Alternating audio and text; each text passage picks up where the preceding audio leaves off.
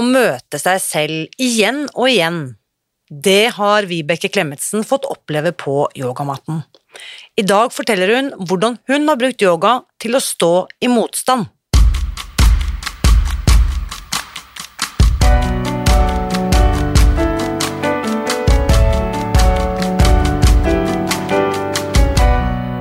Mitt navn er Irina Lie. Jeg er journalist og forlegger, gründer og sosial entreprenør.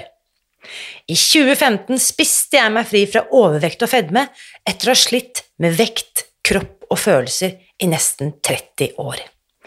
Etter at jeg knakk koden, ga jeg meg selv et nytt oppdrag – å dele denne kunnskapen med alle som trenger det. I denne podkasten kan du derfor høre hele lydboken Spis deg fri. Den finner du ved å bla deg tilbake i arkivet og lytte til første sesong. Hver uke inviterer jeg nå gjester som gir deg påfyll til hodet, hjertet og magen. For min visjon er å endre Helse-Norge, og det får jeg ikke til alene. Du bidrar ved å abonnere på podkasten, skrive en omtale i iTunes og tipse meg om hvem jeg burde invitere hit. Da setter vi i gang med ukens episode.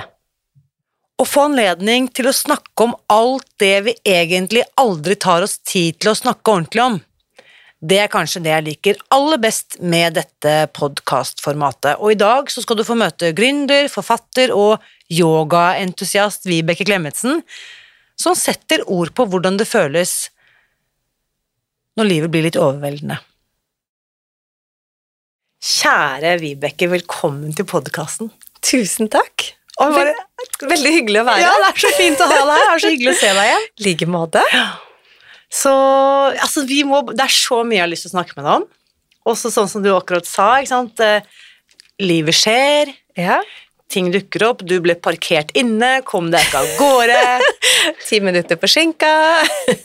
Men er ikke det Ja. interessant hvordan vi bare kan liksom En sånn tilsynelatende bagatell, da, kan liksom I hvert fall kan jeg oppleve det, at jeg blir liksom dratt ut av Altså, jeg, jeg, jeg, kan si at jeg jo litt sånn med respekt for at vi hadde en avtale, det er liksom satt av tid til det her og sånn, så idet jeg kom til bilen, og så var jeg litt forsinka, jeg hadde tima det så godt, men så traff jeg en, eh, en gjeng som jeg var på båttur med her om dagen, men som jeg ikke fikk prata med. Så var det, sånn, det, det er de her quickstyle-guttene. Og så begynte vi å snakke om India, vi begynte å snakke om yoga. Så var jeg sånn, sto jeg sånn halvveis og så på klokka, jeg må gå, men så var det sånn, det var så hyggelig.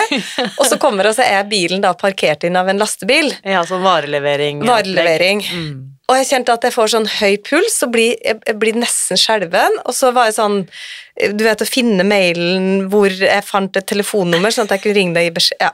Og akkurat da så kjørte de andre bilene som sto på utsida, så da fikk jeg liksom rygga ut.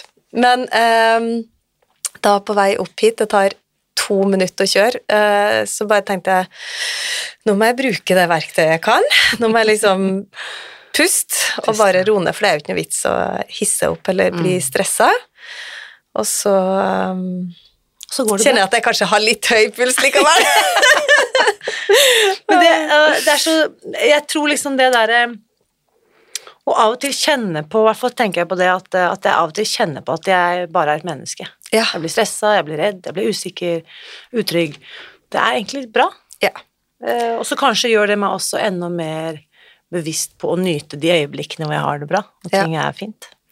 Ja, altså Jeg vet ikke, når man er litt oppi 40-åra, da, og har liksom levd et liv og vært ute en vinternatt, som vi så klisjéaktig sier, så har man jo skjønt at livet består av alle fasetter. Mm. Både oppturer, nedturer Yes. og alt imellom. Eh, og jeg tror nok jeg har blitt mye flinkere til å liksom omfavne alle fasettene, alle delene. Mm. Eh, og blitt kanskje mer altså, flink, da, om man skal bruke det ordet, men til å også til å klare å balansere ut både opptur og nedtur. Mm. At man liksom kanskje ikke legger så mye i noe av det. Eller vet jeg eh, hvor Jo, jeg- skal jeg er helt med på hva klare du sier. å- Ja, Mm. at jeg kan ha en dårlig dag, men så prøver jeg å ikke For før jeg hadde en dårlig dag, så trodde jeg at livet var på vei ned. Ja. Mens nå så tenker jeg at ok, jeg har en dårlig dag, men uh, i morgen blir bedre. Yes. Og det klarte jeg ikke før. Men jeg vet ikke om det har med erfaring, ulike erfaringer å gjøre, eller alder eller modenhet. Jeg vet ikke. Men eh, jeg føler at det er der mer i dag, i hvert fall. Jeg er jo veldig fan av tolvtrinnsfilosofien, og der sier vi jo 'this too shall pass'. Ja. Og det er en veldig sånn Noen tenker sånn 'Å ja, men alt er forgjengelig, og alt er liksom Men det er akkurat dette. Om det er dårlig, om det er bra også, Mm. så er det egentlig bare å, å stå i dette øyeblikket. Det er ikke, det er ikke farlig. Nei. Det går forbi. Mm. Og det er jo litt det jeg kanskje har trent på, Yes. praktisert og øvd på i veldig mange år. Jo, men det, det, dette, det, dette er interessant, for det har en helt klar link til yoga. Ja, for det er jo det vi gjør. Det å stå i ulike posisjoner. Det å på en måte stå i glede og smerte. Altså smerte i gåseøyne, for jeg gjør aldri noe yoga som gjør så vondt at det, er sånn, sånn type smerte, men du vet den der, det ubehaget, da, som man kan møte når man hvert fall når man gjør mer sånn avansert yoga, og du vet Og det å lære å puste seg inn i ting, og bare være til stede her og nå. Og så kan du ha gode dager på matta, du kan ha dårlige eller mer kjipe dager, men det å liksom Og igjen, der òg, ikke legge for mye i det. Yes. Det er sånn, ok, i dag var en uh, litt vanskeligere dag, jeg ikke, fant ikke pusten riktig, jeg liksom, ok, nei, men da, det var i dag. Og så legger man det liksom litt fra seg, og så ikke, så jeg prøver ikke å legge så mye i yes. det, akkurat det, ja. Jeg liker det. Og så, og så er jeg bare mm, veldig oppmerksom på å være til stede i øyeblikket, Mm. være til stede med de jeg snakker med. Til, liksom det og jeg, jeg tror veldig mye av det her har jeg i hvert fall lært gjennom yoga. Noen er jo sånn av natur, Mm. men jeg har lært det av yoga. Å praktisere yoga. Mm. Fordi det er jo det som folk flest da, forbinder deg med. Hvis, eh, hvis noen hører navnet ditt, så tenker de ja, ja, gjør yoga. Ikke sant, Vibeke. Um, jeg måtte bare titte litt. Jeg, jeg så um, For du har jo også skrevet, ikke bare én, men du har skrevet fire bøker. Ja! Eh, fire bøker uh, om yoga. Eh, ja! To av det er jo kokebøker, da. To av det er kokebøker, men det er jo en slags eh, Men det er jo en link til yoga. En link til det, Vil jeg jo si, Men den ja. siste som du har eh, kommet ut med nå, det er den eh, Yogamagi som du har skrevet sammen med eh, Jannicke Wiel, som også har vært gjest på podkasten her. Men da, da så jeg i den boken at du har faktisk praktisert yoga siden 1997. Ja. Jeg lurer på, er vi like gamle? Er du øh, 75-modell. Ja, nei, du er ett år eldre enn meg, ja, Ja. sant? Mhm. Så det vil si at du begynte når du var ganske tidlig i 20-åra? Mhm. Ja. 1997, det var jo way back then. Ja, det er way back. Så jeg bare nysgjerrig på det. Hvordan, hva var din vei inn i yoga? Hva var det som For det var jo ikke veldig utbredt. Jeg husker jeg var borte det i Bergen, jeg bodde der da på 90-tallet.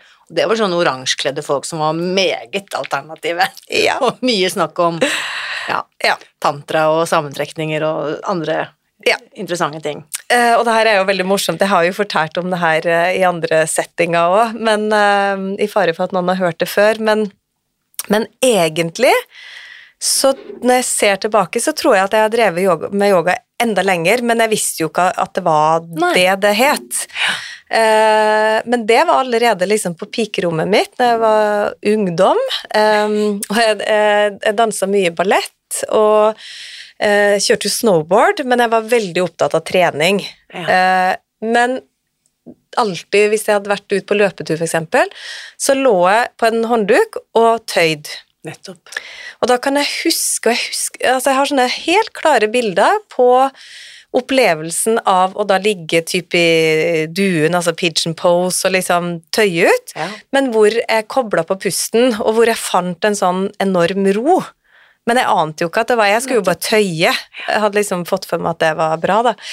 Men um, så flytta jeg til Brussel i 95, og da gikk jeg på et dansestudio der, og da Jeg var jo ikke klok nok til å teste det ut da, men der husker jeg at de hadde ashtanga-yoga. Ja. Og at jeg så at de holdt på, du vet, sånn timen før danseklassen og sånn, hvor jeg var sånn Oi, det, det festa seg. Så flytta jeg til Stavanger, og av en eller annen grunn, og jeg var litt sånn ikke, Jeg har aldri vært konservativ, men jeg var en litt sånn prippende hotellfagstudent. eh, Og med min andre prippende hotellfagstudentvenninne, så tror jeg det var noen plakater Ja. hvor det var yogakurs. Og det er til en som heter Christian Påske. Han holder jo på i Stavanger enda. Ja, nettopp. Og for meg så var det det gule huset i eh, Kannikgata, liksom. Jeg er litt usikker på om jeg husker riktig navn på gata, men det spiller jo ingen rolle. Hvor vi da endte opp på et yogakurs. Hos Christian Påske. hos Christian Påske. Og det var akkurat det du sier, det var så alternativt. Og i, selv i dag, når jeg har vært innom et stort spekter, jeg har vært masse i India og liksom virkelig sett yoga, så var det veldig alternativt. Ja. Og vi drev med Og ikke at neseskylling er så alternativt, men det, det hele pakka, og det var sånn eh, Du vet eh, Altså Tråd gjennom nesa og Nå husker jeg ikke hva det het engang. Og, og, um, og det jeg husker best, var at vi satt i en sånn ring. Og det her var masse Det var voksne folk. Vi var jo 21 eller noe sånt. Uh, og det var hår under armene, du vet, ja, som du sier, litt sånn oransjekledd, lillakledd. ja. Uh, og så gjorde vi løven. Nettopp. For de som ikke kjenner til den, liksom stå på alle fire og strekke ut tungen og brøle og holde på. Og jeg og Tone altså, og vrenge øynene ja, og bakover, i hodet. bakover, og du vet sånn, og de her voksne folkene som gikk all in i det her, da. Mm. Og jeg, altså, vi hadde så mye latterkick. Og jeg husker en ene gangen så fnisa vi sånn at vi liksom måtte gå ut og sånn, fordi vi altså Og vi kom ut, og vi sto bare og lo. Men tydeligvis så har jo det på en måte Det sådd et eller annet i meg, da. Ja. Eh, og de årene så eh, Da hadde jeg akkurat eh, blitt sammen med min barndomskjæreste Daniel, eh, og han var jo snowboarder eh, og var mye i utlandet. Og vi var spesielt mye i LA, og der var jo yoga ti år lenger frem, ikke Yes. sant? Så det var jo yogastudio overalt. Og da var jeg superinteressert. ja. Så når han var i møter og fotoshoot og hva han nå enn gjorde, så drev jeg og poppa inn på ulike yogastudio. Mm. Og det, det Hvorfor, vet jeg ikke. Men det var bare en sånn eh, dragning mot å utforske yoga, liksom. Så ikke at uh, det er en målbar konkurranse på noe vis. Det arrangeres ikke akkurat verdensmesterskap i yoga, men, uh, men uh, du tar den Altså, du tar den langt, hvis Ja. det går an å si det sånn. Ja. Men sånn er jeg som person, da. Ja. At når jeg først liksom går eh, inn i det, så gjør jeg det ofte 100 Ja. Det er litt sånn enten-eller for meg. Uh, og med yogaen så Og det, jeg, jeg har bare en sånn dragning, som jeg sier, som bare gjør til at det her er jeg, jeg, jeg får jo ofte spørsmål blir du aldri lei, og jeg har jo Det gikk jo noen år da hvor jeg drev og utforska, ikke sant. Det i Stavanger var jo sånn klassisk hatta-yoga, eh, og i USA det, det, Jeg husker ikke det var sikkert eh, Baron Batiste altså Det var masse sånn Anna Forest-yoga, det var jo masse sånne ulike konsepter. Um, og jeg bare gikk inn på de timene som passa helt vilkår Nei, ja. eh, helt tilfeldig.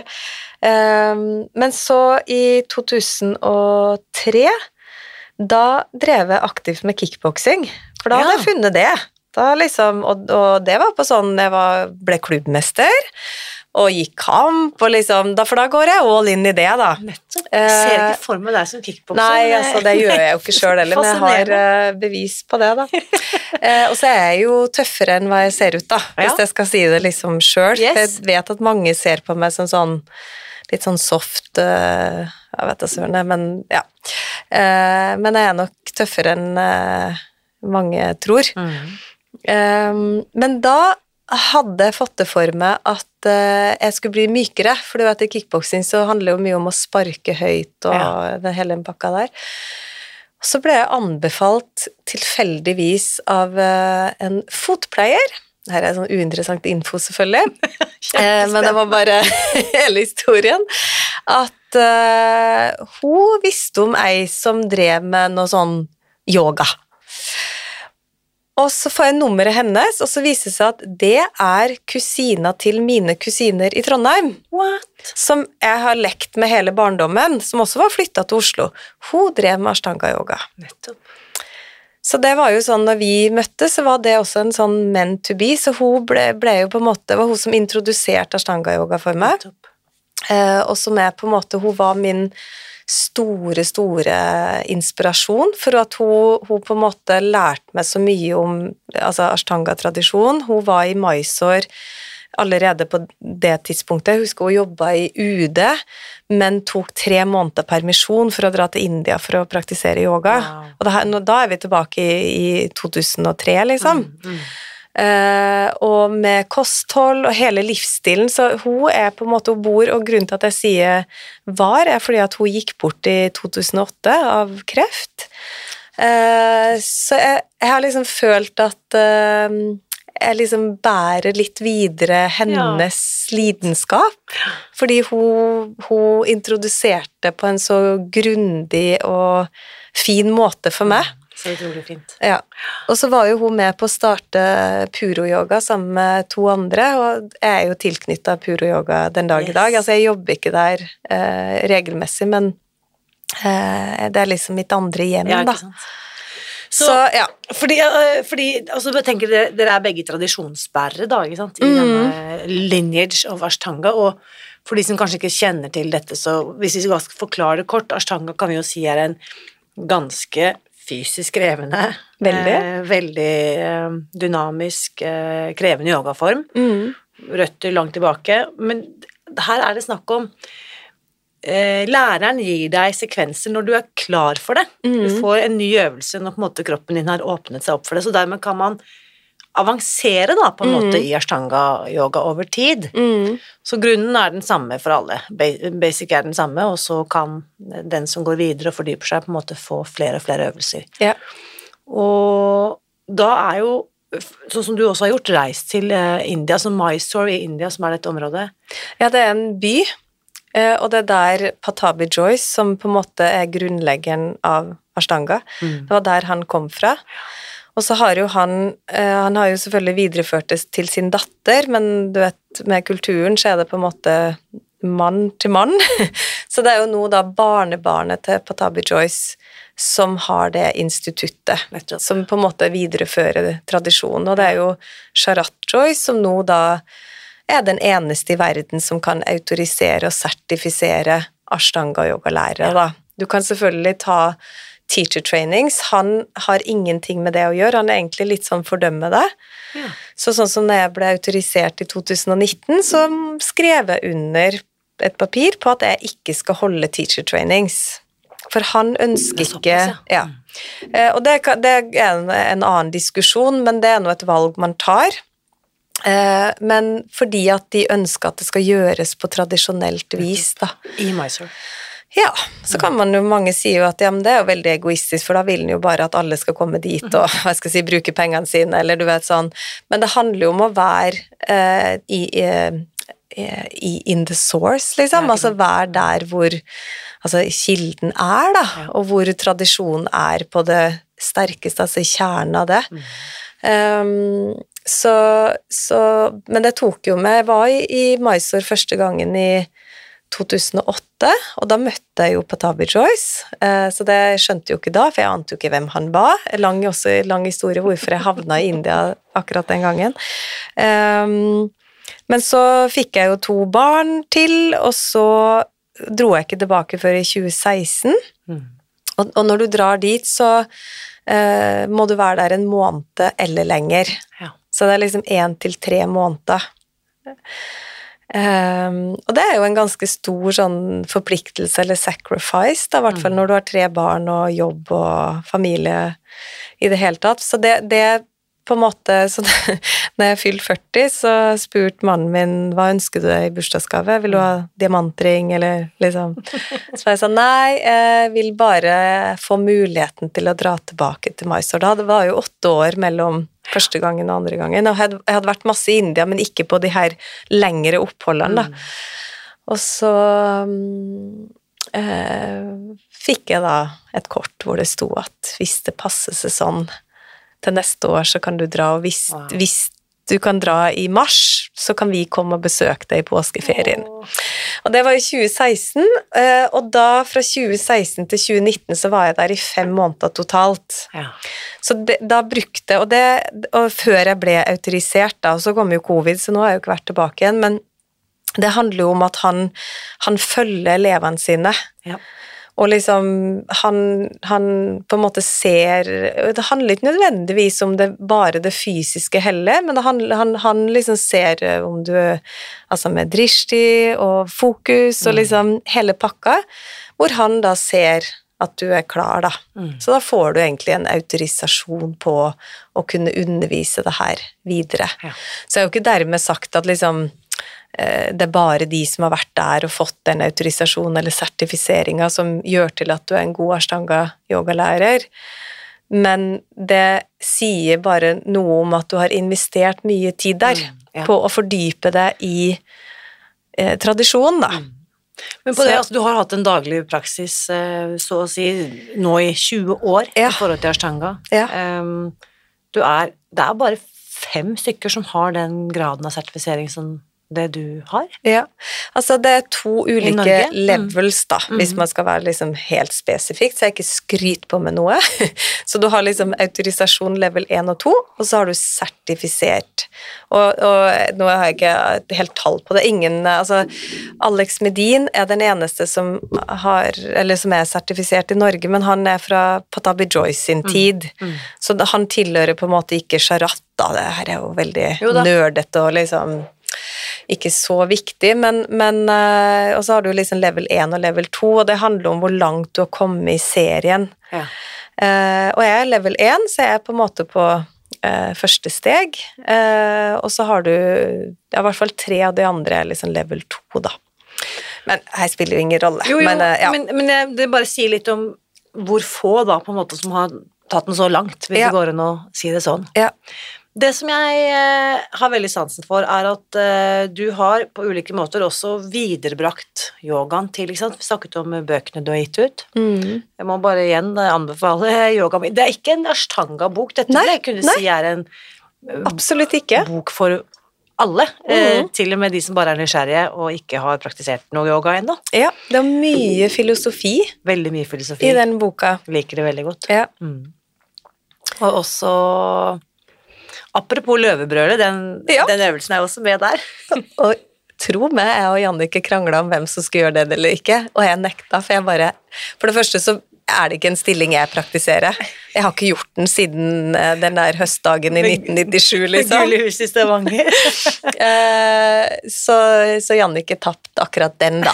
Og så fikk hun velge seg den andre. Nei, tuller bare. Jeg men, fortalte det ja. at, eh, for det, det er jo Men bare, bare for å ta en, en, en stilling da som, som løvebrølet, hva er tanken? For det er jo sånn at eh, de aller fleste yogastillinger, eh, yogaøvelser, har jo en tanke bak, ikke sant? Eller man kan i hvert fall tillegge det noen eh, verdier. Hva, hva tenker du om denne løvebrølet?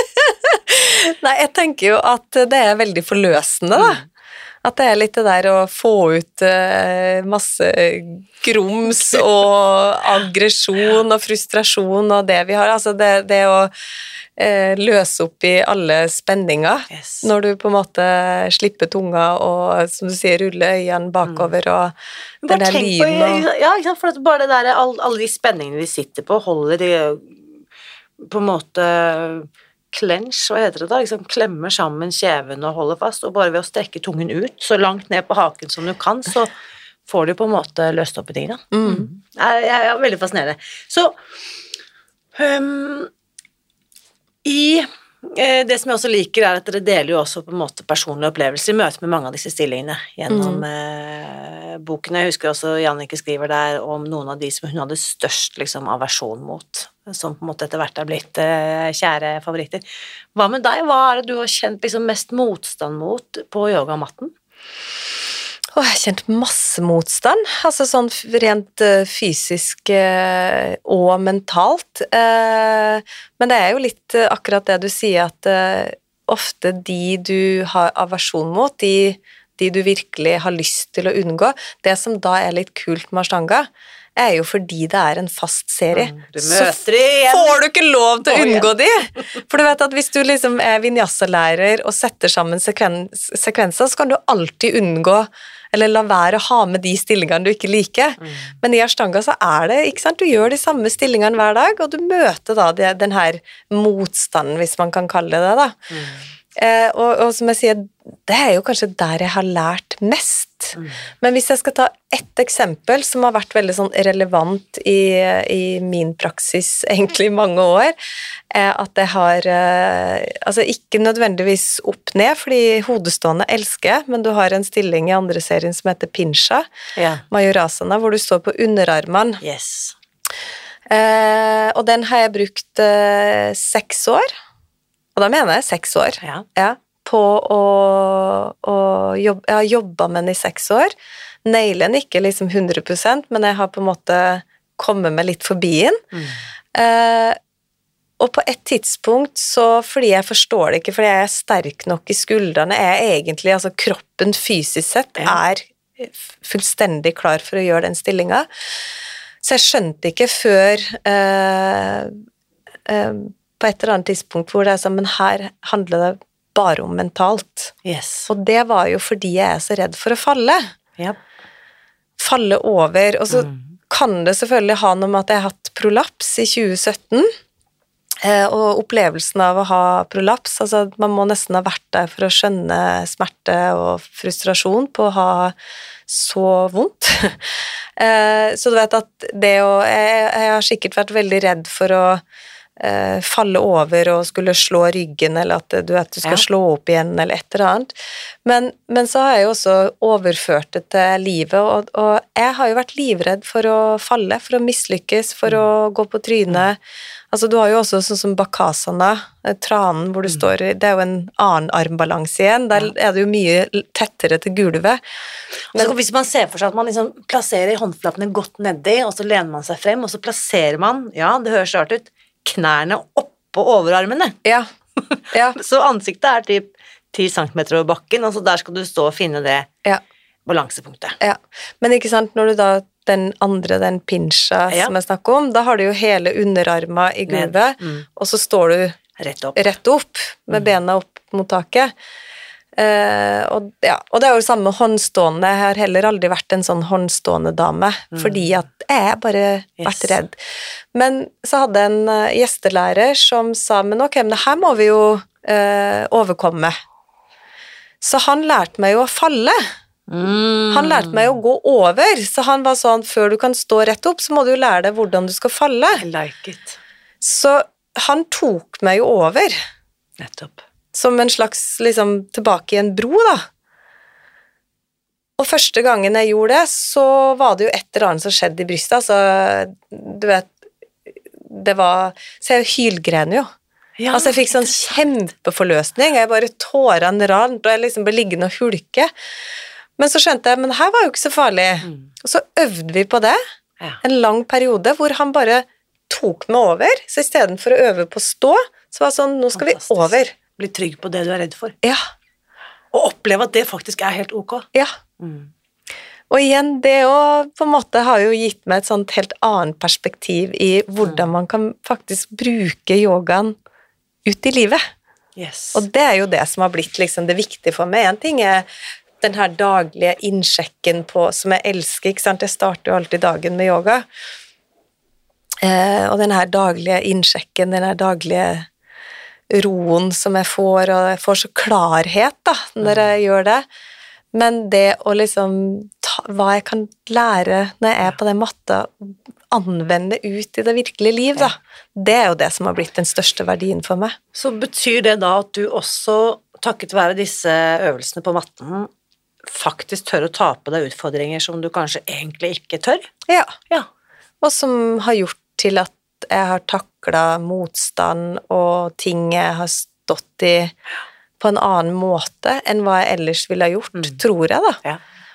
Så Vi må, altså, sånn som du sier, ikke sant, gjennom livets opp- og nedturer, og så håper jeg, hvis det er ok, Vibeke, du har jo delt eh, om dette tidligere, om den perioden vi har hatt bak oss, hvor ting blir veldig, veldig mørkt, mm, og den opplevelsen du har tidlig under eh, covid, når landet stenger ned, og det kjennes ut som liksom, når jeg leste det og hørte deg fortelle, så var det som om liksom, hørtes ut som hele livet ditt stengte ned.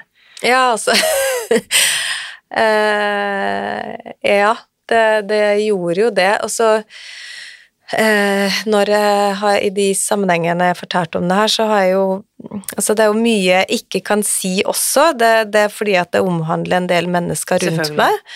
Eh, så, så det er jo et Og det er jo et stort bilde der det handler om mange ting. Det handler om ting jeg har stått i i mange år, det handler om ting jeg har stått i noen år.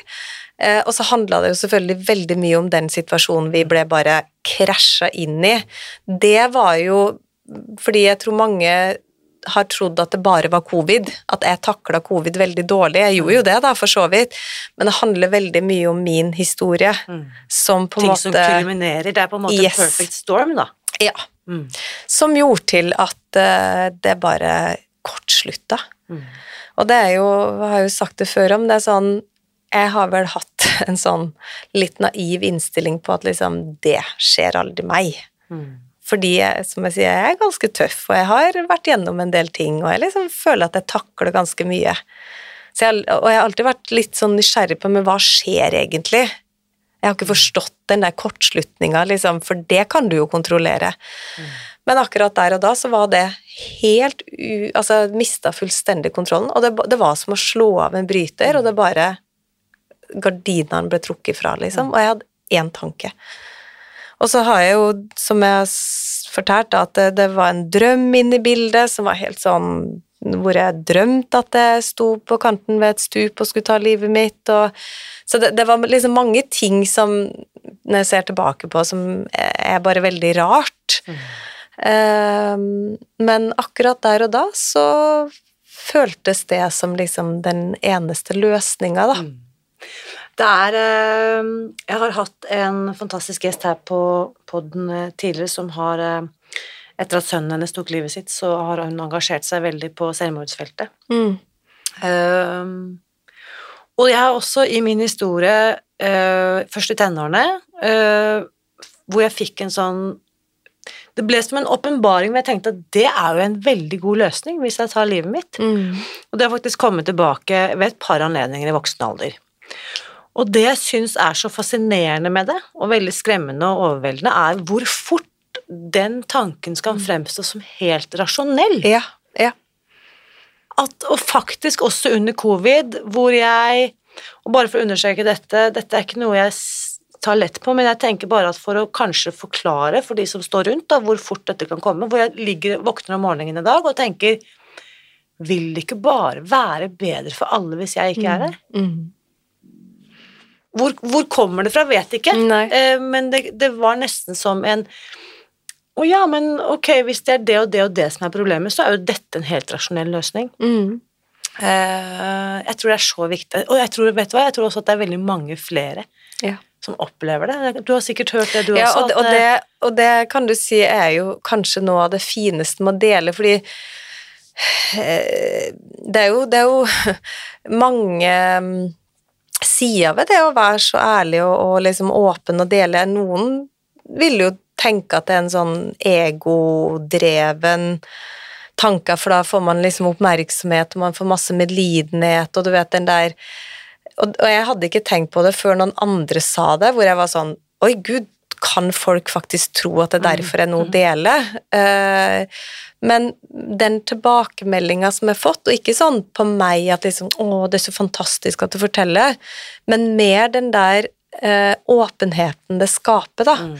Hvor folk har turt å fortelle meg sine historier, hvor folk har turt å være åpen både offentlig og til sine nærmeste om Yes. sine ting Mm.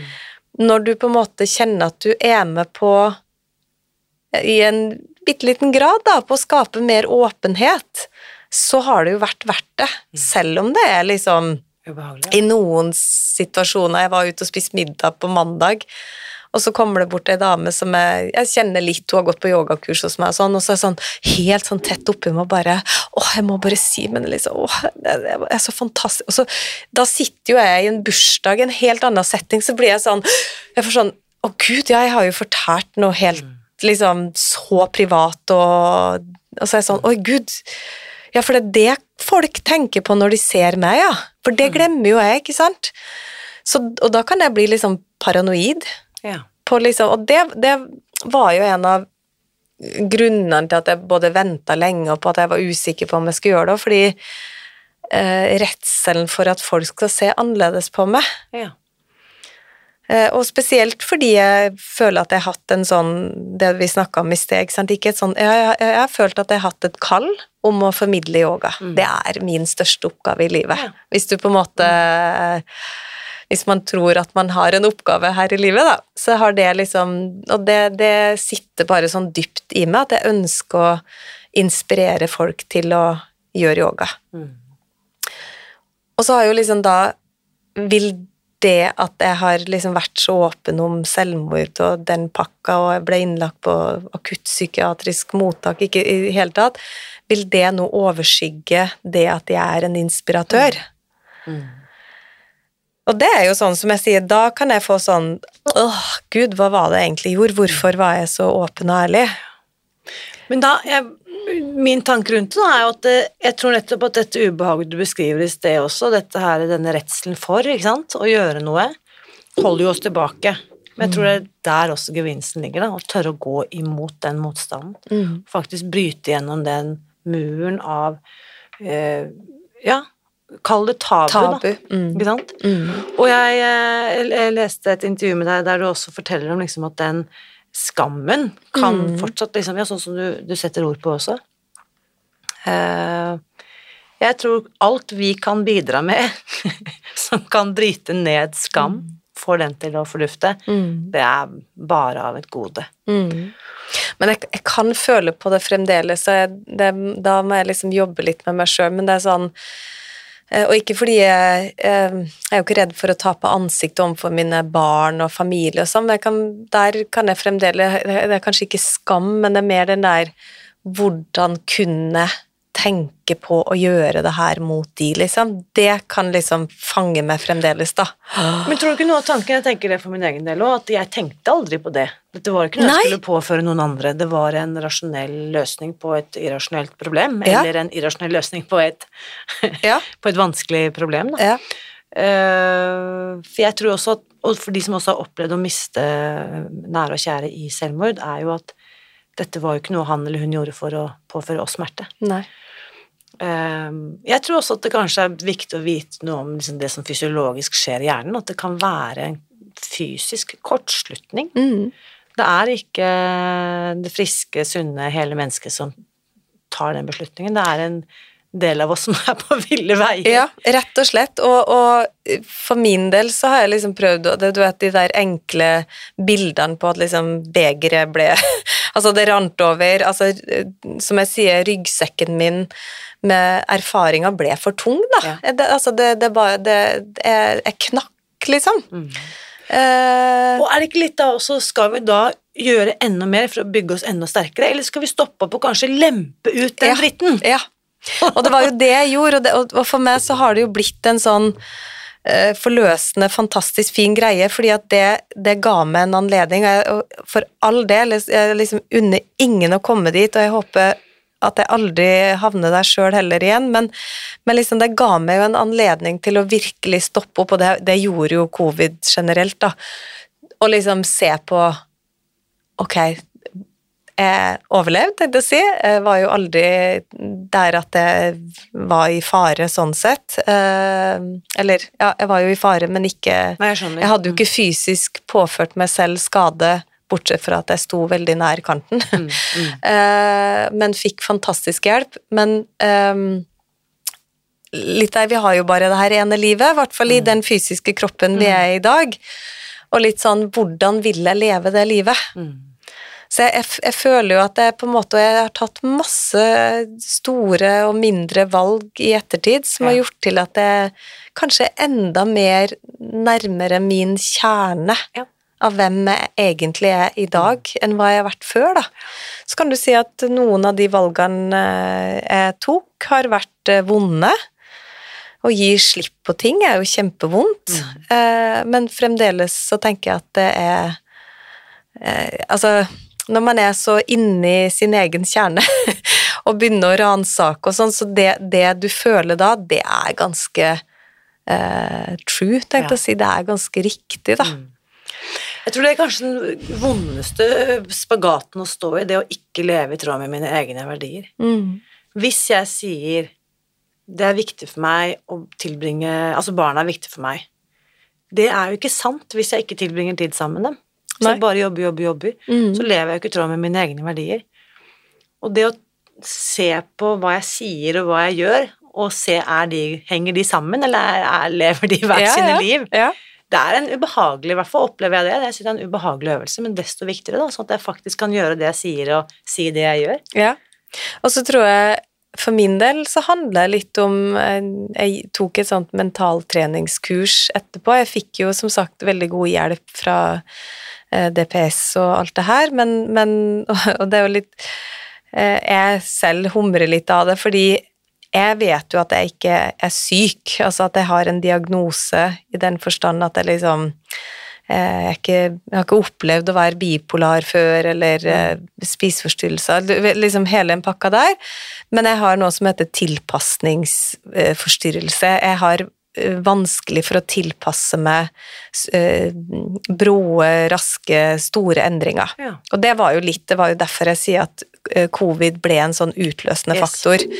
Eh, men jeg, jeg takler eksempel eh, en traume dårlig, altså når det skjer ting, så har jeg litt vanskelig for å tilpasse meg det. Jeg bruker litt tid på Adjust. liksom lande, adjust, ja. Mm. men men eh, når du blir tvangsinnlagt, da, sånn som jeg ble, eh, selv om jeg var inne i 14 timer, men det, jeg var nå det, og det er en opplevelse i seg sjøl, det òg, så kommer du inn i systemet. Så du, da, da skal de på en måte diagnostisere deg. Så jeg var jo, brukte jo et halvt år da, på å gå til fantastisk dame og skjema etter skjema etter skjema, liksom. For nå skal vi finne ut hva som er gærent med deg Ja. så var jo liksom konklusjonen at eh, Men du har jo ingen diagnose. Mm. Bortsett fra eh, altså tilpasningsforstyrrelse er mer et personlighetstrekk, det er ikke en sykdom eller en, en Mm. diagnose. Uh, det, og det var jo fint å få, få bekrefta det, for jeg har jo følt det. Ja. At jeg takler endringer veldig dårlig. Det, det gir deg kanskje også større kunnskap og forståelse om på en måte historien din. absolutt. Mm. Og også hvordan Altså, eh, fremover. Eh, jeg kan unngå altså, Det er mange ting du ikke kan unngå, men jeg jeg kan også tilpasse Ja. veien når jeg går, da. Eh, På en annen måte. Men i hvert fall så var jeg jo litt opptatt av at jeg skulle, ja, som jeg sier, gå i bunns i det her og bruke tid på å liksom komme inn i kjernen min. Så jeg tok blant annet et mentaltreningskurs. Um, og da uh, var en av oppgavene å bruke mye tid på å uh, finne ut hva er dine verdier. Ja. Og det er noe av det vanskeligste jeg har gjort. Men det er jo ut ifra det at jeg har tatt mange av de valgene her, så jeg bare forteller noe for å liksom Litt sånn hvordan i hvert fall jeg har jobba med det, da. Men når jeg begynte å skrive ned, tenke over og skrive ned hva er egentlig mine verdier, ja. det var jo da jeg kom frem til men da må jeg jo slutte i den jobben jeg har. ja. For det er ikke i tråd med mine verdier. Nettopp.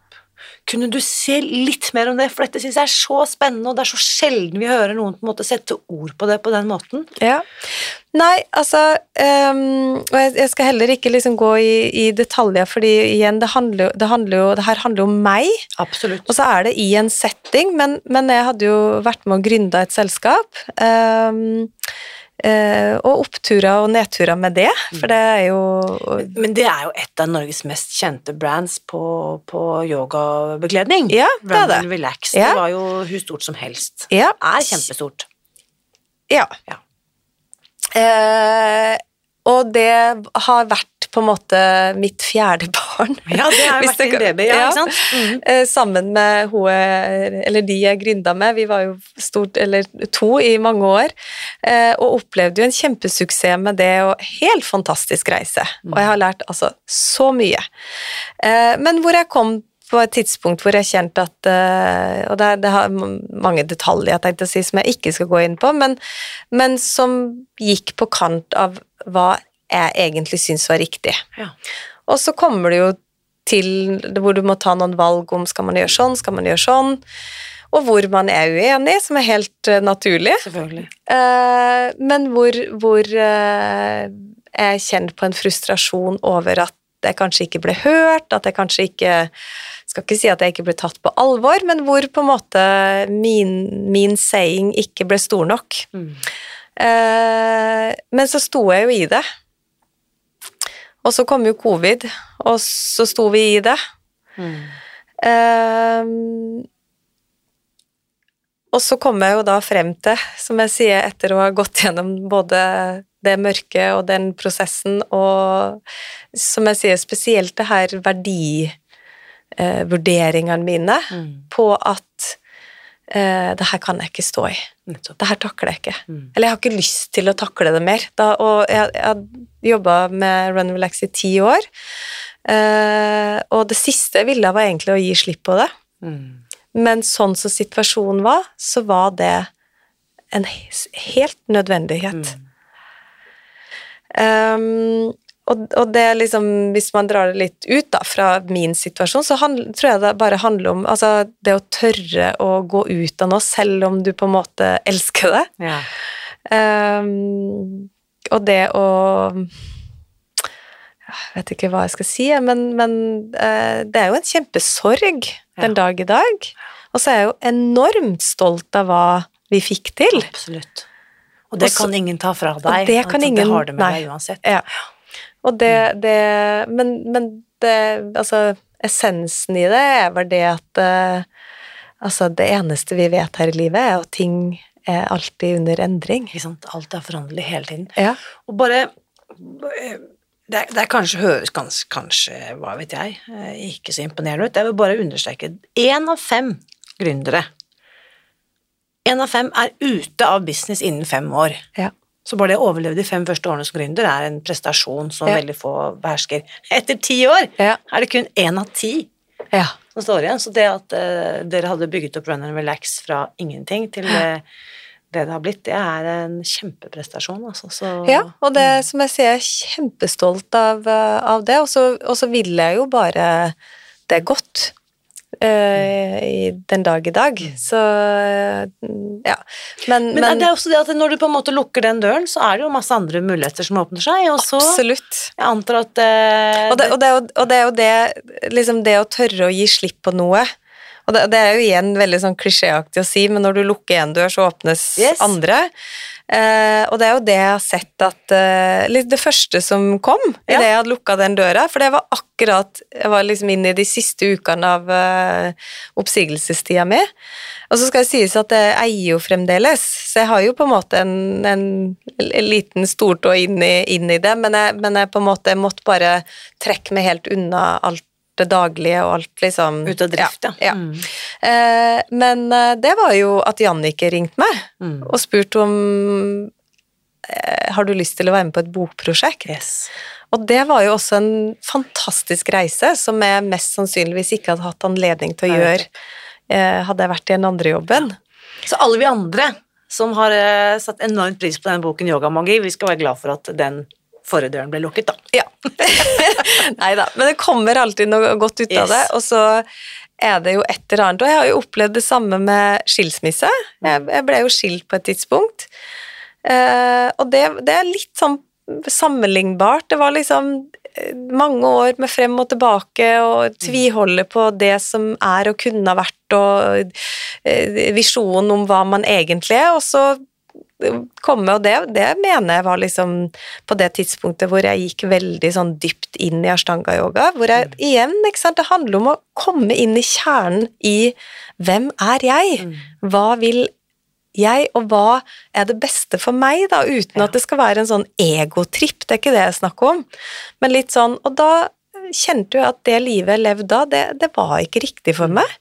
Og så er jo det sårt og vondt, og vi hadde jo barn sammen, og, og igjen mye av min identitet var knytta til han, og det var liksom Men igjen, det å, å, å tørre å gi slipp, da, og jeg tror hadde han sittet ved siden av meg nå, så tror jeg begge vi kan si at vi lever et bedre liv i dag. Mm. Og, og jeg liksom unner han er gift, godt gift, og, og fantastisk kone, og liksom og vi har jo vår fantastiske datter, Mm. og jeg fant kjærligheten på ny, har fått to nye barn. Det er sånn Det førte jo noe fantastisk med seg. Ja. Det var vondt, og igjen, det er jo litt på den tida og jeg følte at det var tabu. Mm. Å liksom skille seg og ikke få det til, og du vet alt som innebærer med det, da. Men, men det er liksom det å tørre å gi slipp på noe hvis du kjenner at det ikke er riktig, da. Det er igjen, da, for å parafrasere her, sitere tolvtrinnsfilosofien, så er det et annet begrep der som snakker om at eh, eh, jeg velger et kjent helvete fremfor et ukjent paradis. Denne frykten på forandring, at jeg liksom klamrer meg fast til det jeg i hvert fall vet hva jeg har, for det er jo i det minste trygt og kjent. Mm. Selv om jeg på en måte ikke sant? Det kan være et ukjent paradis som venter der fremme, da. Mm. Jeg er så utrolig glad for at du forteller, Vibeke, for jeg eh, Kanskje hvis man bare kjenner deg fra Instagram eller sosiale medier, så er det så lett å tenke sånn Ja, hun der, hun dama der, hun har alt på plass, liksom. Ikke noe, ikke noe å se på det, men da er det så deilig også å få høre liksom at det er ikke nødvendigvis alt på utsiden som speiler alt. På en måte hele spekteret som er på innsiden. Nei, og jeg, jeg skal ikke si at det var grunnen til at jeg valgte å være åpen, for det, det var det så absolutt ikke. Men jeg, og nå når du sier det, så er det litt sånn Det bekrefter eh, at det har vært sinnssykt deilig. Ja. Å få lov til å vise Bare si det som det er. Ja. Og, liksom, og så er det også en sånn balansegang mellom det å misbruke det, hvis du skjønner hva jeg mener. Det å skal liksom For jeg er jo ikke sånn som legger ut uh, ukentlig at 'Å, jeg har prøvd å ta livet mitt, og jeg har hatt det så vanskelig', og liksom Det å nære opp under det. Men jeg har på en måte vist Mm. at uh, jeg også fullstendig uperfekt. Ja. um, Og nå blir det store sprang, men dette tåler vi. Ja. Fordi når eh, sant, som, eh, som jeg fortalte rett før vi startet her, at eh, gjennom denne våren så har vi også begynt å legge ut disse podkastene på YouTube. ja! Så sier du nei, nei, nå kommer folk til å se at jeg snuser.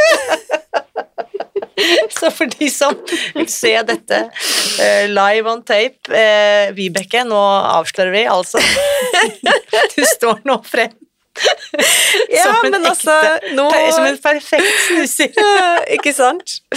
Ja, og så blir jeg litt sånn Jeg blir ikke skamfull her er ikke om snusen, men jeg blir ikke skamfull, men jeg blir litt sånn å, irritert på meg sjøl. Sånn, hvorfor har jeg egentlig For jeg tror ikke jeg har gjort det med vilje, det er jo litt det sosiale medier er, da. Vi viser jo bare de beste sidene med oss sjøl, men det har jo aldri vært en intensjon, da. Så blir jeg sånn, Hvorfor har jeg bare lagt ut sånne bilder og sånn at folk tror at alt er så perfekt? Fordi jeg har jo på baksida hele veien følt at jeg har hatt masse skjær i sjøen og egentlig gått og tenkt at eh, jeg er virkelig uperfekt, liksom. Så jeg er sånn Ja, men hvorfor tror alle det? Eh, Men ja, jeg snuser. I have to confess. Står frem nå. Så, men her er dette er en historie. Ja. Eh, for det, det, du har ikke alltid holdt på med det. Nei. Eh, og så skal det jo sies at eh, i min eh, tidligere ungdom Nei da. Ungpikedagene. Ungpikedagene så røyka jeg jo da. Ja, nettopp. Men kjørte ikke- Malbro Prins. Hvor var du? Nei, Malboro Light. Malboro Light, ja. Det var det som heter Malboro Gold i dag, har jeg skjønt. Ja. Eh, selvfølgelig det har jeg jo lyst til å si at jeg var festrøyker. Jeg var Ja. jo det òg, men eh, jeg røyka i perioder. Ja. Ja, Du har en til her i rommet med deg. Ja. Mm. Og jeg vet ikke, det var mye mer sånn kulturen, jeg tenkte å si. Du vet når vi når vi sto på head-on og, og drakk og røyka og dansa samtidig, ikke sant? Og du var sånn, når du kom hjem, så Altså, du var innrøkt. Yes. Ja. Så det, har jo det, jo, vi, det, det det var en annen tid.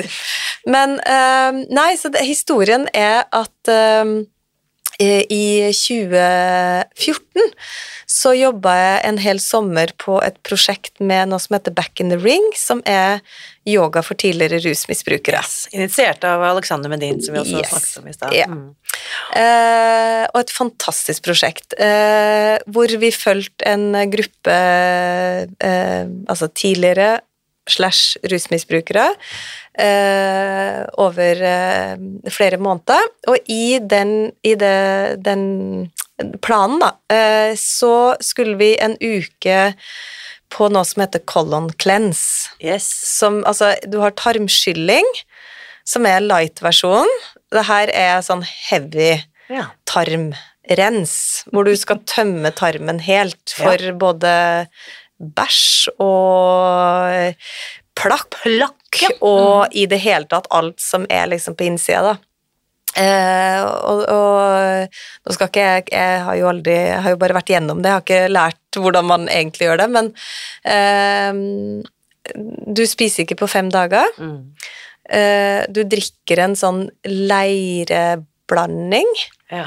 som, som Sånn zeolittgreie, er det ikke det? altså, jeg, jeg vet ikke, det er derfor jeg sier at jeg kan ikke Jo, jo, jeg mm. alle detaljer på det, men uh, som, være, som er liksom Ja. det som skulle rense, da. Drev dere med sånn fiberhusk òg, sånn som svellet opp i Nei, men vann? det, det var det, den der leirblandinga, den blanda vi med bitte litt eplejus, og så ble det sånn, nesten som sånn pappmasje. Ja. Ja. Mm. Sånn fiberhusk. Oh, Og så ja. drakk du det.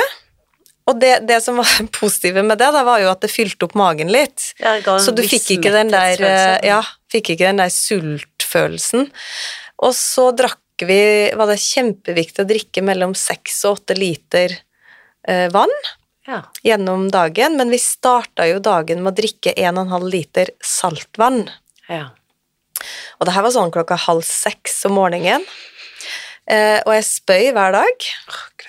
Eh, og jeg fikk forstoppelse. Altså, eh, hele, hele den Altså, den uka eh, var Ikke prøv dette. hjemme. Nei, nei, ikke prøv dette hjemme. Altså, det her er sånn som må gjøres under eh, kontrollerte forhold. Ja, ja, ja. Um, men jeg bodde på rom med ei som snusa. Og som jeg sier, altså de, de to første dagene var et helvete, hvis jeg skal være helt ærlig. Mm. Kanskje noe av det verste, altså det tøffeste jeg har eh, vært med på. ja. Ehm, Uh, og så er det jo noen morsomme detaljer her, da, fordi at uh, dag én og to så, så gikk vi på do. På do. Ja. Men dag tre, fire og fem så skulle vi da bæsje på en bøtte. ja. Uh, og så, og jeg og hun som bodde på rom sammen, vi kjente ikke hverandre noe godt fra før. Men da satt vi rygg mot rygg på hver vår vaskebøtte. og gjorde fra oss, fordi at når du drikker det her saltvannet, så går det veldig kort tid, Ja. så må du på do. Nettopp. Ja. Og så putta vi en plastikkpose over, og så gikk vi og stilte oss i kø Med den posen. med den bøtta. Ja. Eh, til da han Desmond som, som hadde her eh, klensen. Og så sto han med, i en sånn stor hvit bakk. Han sto med sånne briller og doktorfrakk og maske og full pakke. Og så drev han og analyserte avføringa, da. Ja. Og husk på at dag én og to så er det Unnskyld at jeg så, ja, snakker så klar tale, men da var det bæsj. Avføring, ikke sant? Ja. dag tre, fire og fem, da er jo tarmen tømt for ja. mat, som er liksom avføringa vår. Så det var jo den her eh, pappmarsjen, tenkte jeg å si, som kom ut, og det, det, det lukter ikke på samme måten, det er liksom ikke ja, klassisk bæsj, da. Ehm, men ikke sant, så etter hvert så begynte jo det å dra med seg den her plakken, Yes. og da kommer det ut eh, som nesten som et sånt hvitt plastikkrør. Yes. Og veldig i det, ja, det er veldig spesielt. Og i det røret, eller de delene, fordi det var noen som hadde re, altså, rør. Det var liksom store. Som deler. et langt hylster som om er formet av innsiden av, Ja, av tarmen. og det som var så interessant da, var jo at du kunne Det var liksom avtrykk av innsida av tarmen. Ja. Så, ja. Eh, Og så står jo han og liksom analyserer, så sier han til meg at eh, fordi jeg hadde orm ja, som du ikke du visste om. Eh, Innvollsorm. Eh, Ja, tarmen, da. Ja. Hvor han da sier Oh, I think you have bendelworm. Wow. Og så fikk jeg sånn Hæ? Ja, men bendelorm, det var jo sånn som vi så på sånne store glass i naturfagstimen da jeg var ung, da jeg barn, liksom. Og fikk helt panikk, og vi var på en leirskole i Lom hvor det ikke var dekning på telefon, så jeg kjører ned til Lom, for jeg har en svigerfar som er lege. Helt panisk og bare Du, han der eh, Han sier at jeg har bendelorm, er ikke det sånne meterlange, store ormer Du vet sånn, for jeg hater orm, da. Og han bare Nei, men det går ikke. Det, det, det er ikke tilfellet, fordi at den spiser jo opp all næring. Altså, den spiser jo alt, sånn at da, da blir du jo innlagt til slutt, tenkte jeg å si, fordi at du klarer jo ikke å holde på noe næring og bla, bla, bla. Så han bare Jeg tror ikke det er det, men så det, jeg tok en bilde og sendte meg hva han trodde det var, da. Og det er jo mer sånn mark Ja. som du får eh, Altså, jeg hadde jo små barn, kanskje jeg hadde ja, fått det fra barnehage- barnehage... Dette er et ja. Ja. Mm. Men i hvert fall, jeg, og jeg så at det var mark, altså. Så det var helt jævlig. Ja. Og så sier han Oh, do you eat a lot at McDonald's? så jeg bare eh, Nei. Og så er den add-on på en historie var at jeg hadde vært i Mauritania på en sånn Unicef-reise Ja. et halvt år i forveien. Der var vi langt inne i ørkenen og spiste et måltid som vi aldri fikk vite hva var. Det var kjøtt. Og du vet sånn, når du er i ørkenen, det fins ingenting annet å spise, så spiser Ja. du det du får servert. Ja, ja, Og hvilket dyr det var, det ville jeg jo fremdeles ikke vite. Eh, så min eh, konklusjon var jo Ja. at jeg kanskje hadde fått det der, eller så var det så enkelt som barnehagemark, da. Spiller ingen rolle.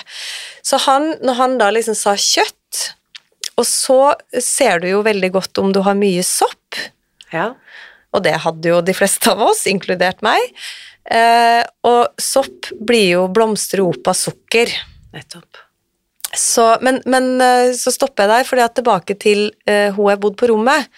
På dag to, når jeg hadde så jævlig, og du vet sånn bare drev og drakk vann, så var hun litt sånn ja, Kanskje du har lyst på en snus? For at da liksom putter du noe annet i munnen. Ja. Så jeg bare Ja, gi meg litt snus! Så jeg var jo ned da i Lom og kjøpte meg snus. Ringte svigermor, kjøpe snus. ja. For å på en måte eh, Substitutt, da, for å putte et eller annet i munnen, sikkert. Første Men- skudd er gratis. Ja, uff, ikke si sånt, da. Men det er jo Så da, når vi var ferdig med den klensen, og så må jeg jo si at de fem dagene var et helvete Perioden etterpå, sånn i hvert fall det første halve året, er det mest magiske jeg har vært med på. Wow. Altså, kroppen jeg, jeg følte at jeg hadde fått utlevert en ny kropp. Utrolig. Altså, jeg jeg hadde en sånn letthet, og, det, og apropos yogapraksisen Ja. Altså, jeg, jeg Ja. kunne gjøre ting jeg aldri hadde gjort før, liksom. Så det, det var helt magisk. Og så går det jo så til igjen, da. Du fyller på med Jo, jo. dritt, selvfølgelig. Og Ny så, plakk. Ja, ny plakk. um, men da slutta jeg å spise kjøtt. Ja. Jeg slutta å spise sukker. Men jeg begynte å snus. Ja. Så var jeg uten kjøtt og sukker i ett og et halvt år. Skulle i en julemiddag. Drakk litt for mye alkohol. Der ble det både kjøtt og sukker. Og det var pinnekjøtt. Jeg elsker pinnekjøtt. Så jeg var sånn Ok, da jeg tar to små biter, da. Så ble det satt frem en sjokoladeskål til dessert, og da var det gjort. Ja. Så da, Og jeg spiser jo kjøtt, altså jeg er ikke vegetarianer, men jeg spiser jo ikke mye kjøtt. Mm. Eh, sukker er jeg jo selvfølgelig veldig glad i. Så i dag, eh, ti år etterpå, så spiser jeg kjøtt, sukker og snuse. Så takk for den. Klensen i lom, altså. Ja. Så Lang, lang eh, historie der, da. utrolig. Altså, jeg har vært med på noe lignende eh, på landsbygda i England. Og det var Mhm. også, i tillegg til det du beskriver, så hadde vi også daglige tarmskyllinger. Oi. Sånn self eh, Altså, du ja, puttet opp, liksom. en, Ja. Altså, vi brukte tyngdekraften, og så bøtta med vann sto liksom høyere opp enn det vi satt på den doen. Så bare self-administered, da, at vi, at vi gjorde det selv. Så kjører du opp denne her slangen, og så er det da, ikke sant, siden vannkilden står høyere opp Ja, ja. enn der hvor vannslangen slutter, så kommer da vannet opp. Og ting blir skilt ut. Ja. Det var eh, interessant. En, en studie, kan vi si. Ja, Mm. og jeg har testa mer sånn klassisk tarmskyld, og jeg syns jo det også er veldig, veldig ubehagelig. Ja.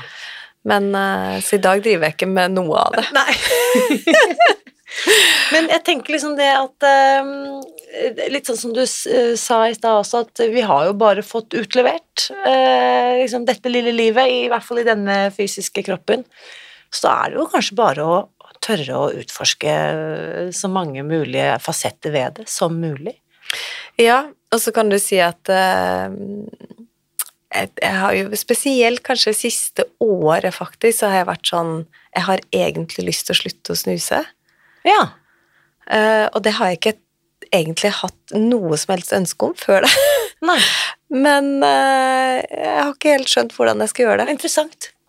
Tips eh, tas imot Ja, med eh, takk. Vil du ha et tips? Ja.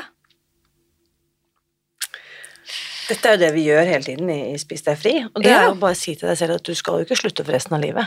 Nei. Du skal bare Ta en pause. slutte for i dag. Ja. Så det er triks nummer én, og så i morgen kan du snuse så mye du vil. Men Ja. bare for i dag så slutter jeg å snuse. Dette er jo egentlig kjernen i hele tolvtrinnsfilosofien. Som jo er den mest effektive på en måte tilfriskningsmodellen for alle typer avhengighet, og vi må jo bare slå fast at det er en avhengighet. Altså, absolutt. Absolutt. Jeg røykte jo mange år, litt mer enn festrøyker. Jeg var også inne på Rød Prins en periode der, på 90-tallet. og så slutter jeg, eh, og så treffer jeg en fyr eh, som selvfølgelig snuser. Eh, dette var før alle disse posesnusene ble Ja. så populære, så da liksom bakte han sånne små babysnus til meg. Da. Jeg syntes Ja. det var kjempesjarmerende. Mm. Og så gikk det et kvarter, så var jeg jo hekta. ikke sant? Ja. Så jeg har jo kjent på den avhengigheten selv, og det var jo faktisk verre å slutte å snuse enn å slutte å røyke. Ja, det, det For som sagt, på et tidspunkt så, så slutta jeg jo både med røyk og festrøyk. Ja. så jeg, sånn, jeg, jeg husker ikke sist jeg tok en røyk heller, og det, det er sånn Det var heller ikke noe problem for Nei. meg. Og det tror jeg handler mer om eh, lukt og, og det at du må liksom ut, eller ja, i hvert fall sånn som når du har små barn, så ja, altså at du ikke røyker inne, da. Og jeg er jo oppvokst med foreldre som røykte i bil og hjem. Ja. Det lå jo et sånt lag med røyk, Skodde. skodde under taket, ikke sant, konstant. Wow. Eh, og de slutta begge to for mange, mange år siden. Det er superimponerende. Men uh, uh, jeg, jeg tenker også at det å slutte å snuse, for det er så lett tilgjengelig. Det er det som gjør det så vanskelig, Mm. og i likhet med mat, at det er noe vi har tilgang på kontinuerlig. Det er helt sosialt akseptert. Du kan snuse i bilen, på jobb, podkast. Ja, ja. Når som helst, hvor som Mm. helst. Jeg tror liksom det eneste tidspunktet hvor jeg virkelig ikke snuser, er jo på yogamatta. Ja. Og da går, går det jo to timer uten at jeg snuser. Men da er jo beste Det bør jeg kanskje ikke si. Liksom beste følelsen. Altså, det er kaffe og snus om morgenen. Altså, nå føler jeg meg så uyogisk. Det går an. Men det som og idet jeg liksom er ferdig med yogapraksisen, og liksom Det er jo en sånn følelse hvor jeg bare Skal jeg virkelig gi slipp på det, liksom? Så første triks, bare virkelig trygge hjernen på at dette er ikke noe jeg skal slutte med for resten av livet, jeg skal bare slutte for i dag. Ja. Og så, og Men hvis- hvilken dag er det? Nei, Og det er jo her er invitasjonen da, Vibeke. Jeg får liksom hjerteklapp når du sier det. Det er liksom. jo her og nå. Ja. Det er bare å si at, vet du hva? There's no perfect timing. Det beste hadde vært å aldri begynt i 2014. ja, ja, ja. Tro meg. Eh, nå er vi straks eh, før du går inn i tiårsjubileet, så bare Nei, men da ble det i dag, da. Ikke sant? Mm. Denne sommerdagen 2023. Og så bare Kanskje er den dagen litt for lang. Så da bare Men ok, da bare for denne timen, da. Ja. Eller ok, bare for det neste inn- og utpustet, så skal jeg ikke ta en snus. Ja. Og så forlenger jeg det, og så bare skyver jeg på det, og så blir denne, dette pustet blir dette minuttet, dette minuttet blir denne timen, og så er denne dagen over. Mhm. Og så hvis det kjentes ut som noe jeg klarer å stå i, så gjør jeg det samme om igjen når jeg våkner i morgen. ja. ja. Mandag, kanskje? Nei da. Og så da, når, når det, det er liksom triks én, da, Mm. å bare virkelig si at ok, jeg skal ikke slutte for alltid, jeg skal bare, bare for i dag. Og triks to, det er jo Du ba om det, så Ja, jeg, jeg, jeg, du vet nå, det her det, liksom, det går inn. Jeg har ikke sagt ja ennå, men det går inn. Det andre, det er jo Og dette er jo kanskje det heftigste i forhold til livsstilsomlegging, eller gjøre sånne typer valg, er jo å forplikte seg. Ja. Og si det høyt. Greit, jeg tar den, jeg gjør det. Mm. Eh, Forplikte meg overfor meg selv, selvfølgelig. Og for de som har en åndelig praksis, forplikte meg overfor eh, den høyere makt jeg måtte ha med meg i livet, og ikke minst overfor et annet menneske. Ja. For den sosiale kontrakten vi da inngår, den er så heftig, da. Mm. Og så gjelder det å bruke det på de rette tingene. Mm. Ikke forplikte meg til masse ting som jeg egentlig ikke har lyst til, som ikke er i tråd med sånn som vi snakket om, med mine verdier, men å bruke den heftige, det, det heftige verktøyet på det som virkelig betyr noe. Ja. Og eh, da er, det, nå skal jeg ikke finne på masse unnskyldninger, men det er eh, spesielt vanskelig når jeg har en mann som snuser, og liksom Som snuser like mye som meg, da. Mm. Og som overhodet ikke er med på skal slutte. Og så har jeg liksom masse press fra barna. De syns ikke noe om at jeg snuser. Mm. Så her i vinter så var jeg sånn Så kjøpte jeg en rull. så var jeg sånn Når den er tom Og da drev jeg og trappa ned, da. Skrev ned hvor mange Ja. snus, og var sånn Oi, i dag én mindre enn i går, og du vet sånn Og så skjedde et eller annet da jeg var på den siste boksen, og så var det sånn Nei, ikke nå. Nei, jeg tar det neste Neste rull. Neste vending. Og så Det her var jo sikkert i februar eller noe sånt. Her er vi fremdeles. Men jeg tar, tar med, meg, Mm. tar med meg det du sier, ja. Mm. Mm. Men jeg tenker sånn Å, men nå er det sommer, og det er så, du vet sånn alle de settingene hvor det er så deilig, og så deilig å få dårlig ånd, og det er så deilig å ødelegge fordøyelsen, det er så deilig å få masse syre i magen og mm, Nå om sommeren. Vet du, det er så interessant? Bare, å, bare å bli bevisst på hvilke verdier da, jeg tilskriver den snusen. mm. Uh, alle ritualer hvor snusen på en måte, sånn som du beskriver, den perfekte morgenstunden, belønningen etter yogamatten. Mm. Når jeg koser meg, setter meg i sofaen sammen med mannen min, ikke sant? sånn og sånn. Um, det er bare uh, Everything is story. Ja. Så det er bare storytelling. ja. Uh, Og, og, så, og så kan du si at sånn som hvis vi overfører, eller liksom tar det over til mat, for eksempel, da. Der er Altså identisk. Ja, men der har jeg ikke noe problem. Nei. For jeg, som jeg sier, jeg har alltid vært veldig glad i søtsaker og sukker, da, hvis man kan kalle det det. Men der har jeg sånn ikke noe problem med å si til meg sjøl Oi, nå har det blitt litt mye. Nå, Ja. liksom. Så kan jeg gå flere uker uten Ja. å liksom Og Og jeg kan kjenne på cravingen, men Yes. der har jeg liksom den der selvdisiplinen til å Og da er det jo sånn, da er ikke den avhengigheten hos deg så prevalent, da er så sterk, ikke sant?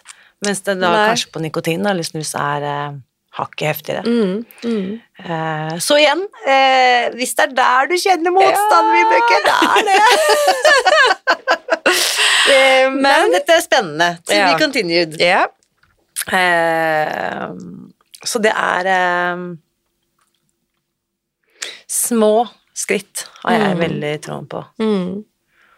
Um, og så, ikke sant, ringvirkningene. Tenk hvis at det så at det skulle være sånn at jeg tar dette valget. Mm. Hvilke resultater, hvilke gevinster, hvilke Mm. ringvirkninger vil det skape? Hvordan vil Alt fra liksom hvordan vil cellene mine ha det, Ja. til hvordan vil barna mine se på meg, hvordan, hva slags Ja, du vet. Mm. Uh, men jeg tror ikke dette er noen quick fix. Jeg tror det er noe Nei, og så er vel litt sånn, hvis jeg skal være eh, helt ærlig òg, da, så er det jo litt sånn eh, Jeg er redd for at det kan skape et, en trang til et substitutt. Og hva vil det være? Vil det være godteri? Vil det være potetgull? Vil det være noe annet som tar over plassen til snusen? Og det som vil jo gjør helt til sikkert da at eh, Oi, vil jeg da legge på meg? Ikke sant? For det har jeg jo frykt for. Eh, liksom Så, så da, da liksom konsekvensen, ikke sant det er, Når du sier liksom på cellenivå Dårlig ånde, fordø- fordøyelsen, alt det der, det er liksom Ja, men det lever jeg greit med. Mm. Liksom Det er nesten så at konsekvensen er mer negativ enn positiv. Ja. Skjønner du hva jeg mener? Og det er jo Mm. da eh, igjen dette her kjente helvete, da, som jeg velger å bli stående i. Mm. Fordi at den forestillingen Dette er jo min avhengige del, sant, som sier til meg men dette kan du ikke ta fra deg selv. Fordi at scenarioer som finnes i fremtiden som vi ikke vet om er sanne engang. Nei. Nei. Og så bare, ok, men la oss da si da at jeg kom, plutselig oppdager jeg at nå fikk jeg Pringles-hekt, liksom. Mm. Og da må jeg krysse den broen når jeg kommer dit, da. Ja. Ja, for det er jo ikke sikkert det Det, kommer. det er ikke sikkert det kommer i det hele tatt. Nei. Så, og rett og slett litt sånn som han læreren din som tar deg over i å lære deg å falle. Ok, greit, da har jeg lagt fra meg snusen, og så får jeg oppleve hvordan det er å være uten. Mm. Og så får jeg lære meg å takle de utfordringene. nå skal jeg ikke nå skal jeg, ikke Var det det som var meninga med at jeg skulle komme hit, liksom? Det... Nei, men det er fantastisk. Altså, jeg elsker det. Jeg elsker disse Det er det som er så genialt med podkast. At vi vet jo ikke hvor samtalen verken begynner eller ender. Nei. Og alt in between. Og for de som ikke um, har oppdaget den ennå, du har jo også da siste året hatt en egen podkast som heter Ja. Namaste. Fantastisk. Ja, og igjen da, tilbake til det her eh, kallet som jeg sier jeg har, med å formidle yoga, så det er jo en ren yogapodkast. Mm. Eh, og, og, jeg har liksom hatt en drøm om å gjøre den podkasten, apropos også det her store valget med å, å skifte jobb, da, eller si opp jobb. Eh, det var jo i det tidsrommet jeg fikk tid og overskudd og mulighet til å skape den podkasten. Eh, og rett og slett liksom det å igjen formidle yoga Mm. på ulike Og det som har vært viktig for meg med den podkasten, er at i løpet av disse 20 pluss årene jeg har drevet med yoga, så har jeg møtt så utrolig mange interessante mennesker Mm. med ulike historier. Og det er det jeg har på en måte prøvd å, å få frem i, i podkasten. Når jeg jobba med Back in the Ring, for eksempel, eh, møtt Mairita, tidligere rusmisbruker, som nå lever et rusfritt, fantastisk liv Mm. på Nøsen, eh, som har brukt yoga til å komme seg ut av rusen.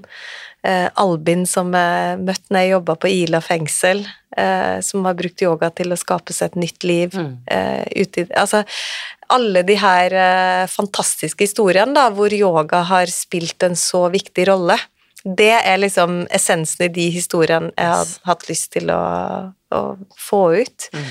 Um, og så også det å liksom kunnskap om yoga, og jeg sitter jo på mye kunnskap, men her heller liksom invitere inn andre Mm. til å få ut sin kunnskap, for at det, det er jo så mye kunnskap ut der. Yes. Så, og det er litt sånn interessant, fordi nå har jeg hatt to sesonger, eh, og i sesongen som jeg har hatt i vinter, så er den episoden som er mest lytta til, er yogafilosofi Yes. i hverdagen med Karin Mæland. Ja, hun er så flink. Og hun er jo fantastisk flink. Eh, og så tenkte jeg litt sånn Oi, det blir kanskje litt sært, eller Ja. kanskje det blir litt sånn eh, jeg skal si, litt tørt, eller du vet sånn. Mm.